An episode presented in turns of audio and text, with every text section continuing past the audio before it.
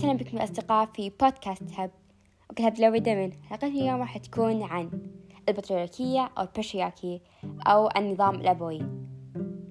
طيب أول ما سمعتوني قلت النظام الأبوي. عطوا فكرتوا أني أقصد الأب.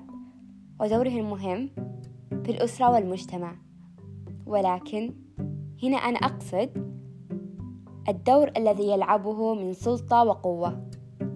فالنظام الأبوي يعطي الأفضلية والسلطة للرجال على النساء في المجتمع سواء كانوا أقرباء أم غرباء.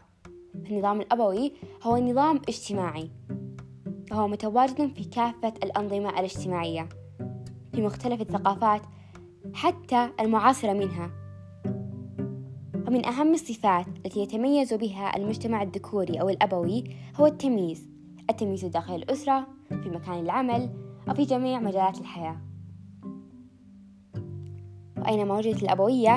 نجد أن مراكز السلطة والأهمية معطاة للرجال ودائما يسمح للرجل بوضع العيب والممنوع والمسموح والصح والخطأ حول نظرته للأمور فمثلا إقصاء النساء الشرف الختان الاستخفاف بمطالب النساء وإلى آخره من الأمثلة اللي لو ذكرناها الحلقة ما راح تكفي.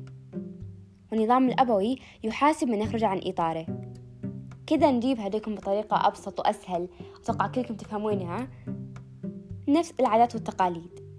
مو العادات والتقاليد اللي إحنا نفتخر فيها واللي هي ضمن هويتنا وثقافتنا بل العادات والتقاليد اللي فرضها المجتمع علينا. فدائما ما تكون عبارة عن نظرتهم للأمور. في النظام الأبوي المرأة هي المسؤولة عن العمل المنزلي والتربية. بل وتخسر أهميتها وقيمتها إذا لم تنجب وتربي أو تقوم بهذه الأعمال على أكمل وجه. وإذا قررت المرأة أن تعمل ومنيحة الإذن غالبا ما يكونون عدائيين اتجاهها في مكان العمل ويرون أنها دخيلة عليهم. وكأنهن منافسات لهم بدل أن ينظرون إليهم كشريكات أن هذه الوظيفة أيضا من حقهن. وحتى إذا المرأة توظفت وأسهمت في الدخل المادي للعائلة يتوقعون منها أن تؤدي جميع الأعمال المنزلية والمسؤوليات اتجاه العائلة من تربية وأعمال منزلية على أكمل وجه وكاملة لوحدها. فدور الأب يقتصر فقط على الناحية المادية فبدل أن تكون الأسرة من شريكين يتشاركون جميع الأعمال والواجبات كعلاقة اشتراكية بين الأبوين تكون علاقة اتكالية. وهنا يضيع مفهوم العائلة تماما. والبعض يظن أن إضعاف البترياركية أو نبذ النظام الأبوي يعود بالنفع فقط على النساء وعلى حساب الرجال. وهنا نلقى سؤال جديد. هل النظام الأبوي في صالح الرجال؟ بالطبع لا أن النظام الأبوي يطبع الذكورية السامة تحت فكرة استرجل أو بالإنجليزية up. فمثلا في النظام الأبوي المشاعر والتعبير عنها عيب بل يشجع على كبتها على عكس فطرة الرجل كونه كائنا حي.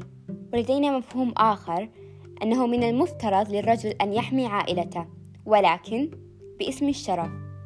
فيكبر وهو يفكر كيف يحمي النساء من عائلته. بأقسى بأقسى وليس أقصى الطرق. فهو أصلا لا يعرف معنى الشرف. ومن النواحي التي تضر بالرجل والمرأة معا تحكم الأب بتخصص أبنائه في الجامعة ومكان وظيفتهم. وفي مجتمعنا أيضا يمنع الأبناء من الاستغلال في منزل قبل الزواج وكلاهما يضران بالرجل والمرأة. إن كل منهما من حقه الاستقلال بحياته الخاصة. ويعرف لدينا أن الرجل هو المعيل دائما وبشكل كامل فهو المسؤول عن الدخل وجعل الأسرة تعيش حياة كريمة. وفي نفس الوقت المرأة عن التربية والأعمال المنزلية حتى لو كانت الشريكة قادرة على الإسهام في الدخل المادي للعائلة.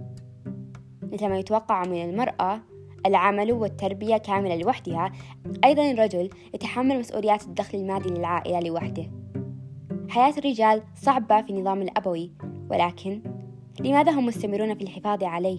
وهم لا يمتلكون امتيازات غير أنهم مركزا للسلطة. في كتاب نشأة النظام الأبوي لجيردا ليرنر حكت لنا النظام الأبوي هو نظام تاريخي له بداية فقد تطور على مدى 2500 عام قبل الميلاد. ومن الممكن أن الناحية البيولوجية أثرت قليلا على هذا النظام. ووضحت لنا في كتابها كيف أثر ولكنه تطور أكثر من القليل ومثل ما له بداية يمكن أيضا أن تكون له نهاية. فغالبا ما يحافظون عليه ظنا منهم أنه هو الطبيعي ويرجع هذا كون النظام الأبوي تاريخي وموجود منذ آلاف السنين قبل الميلاد حتى. إلى هنا يا أصدقاء انتهى حلقتنا لليوم. أتمنى استمتعتوا واستفدتوا فيها أو حسيتوا أنكم كذا ودكم تروحون تبحثون أكثر. حاولت أجيب نبذة من كل المواضيع المهمة واللي جذبتني في النظام الأبوي. فإذا عندكم أي شيء حابين تشاركونه أي رأي أي فكرة تقدرون تتواصلون معنا على الإيميل أو على حساب البودكاست بتويتر. كلهم موجودين في وصف الحلقة. وشكرا.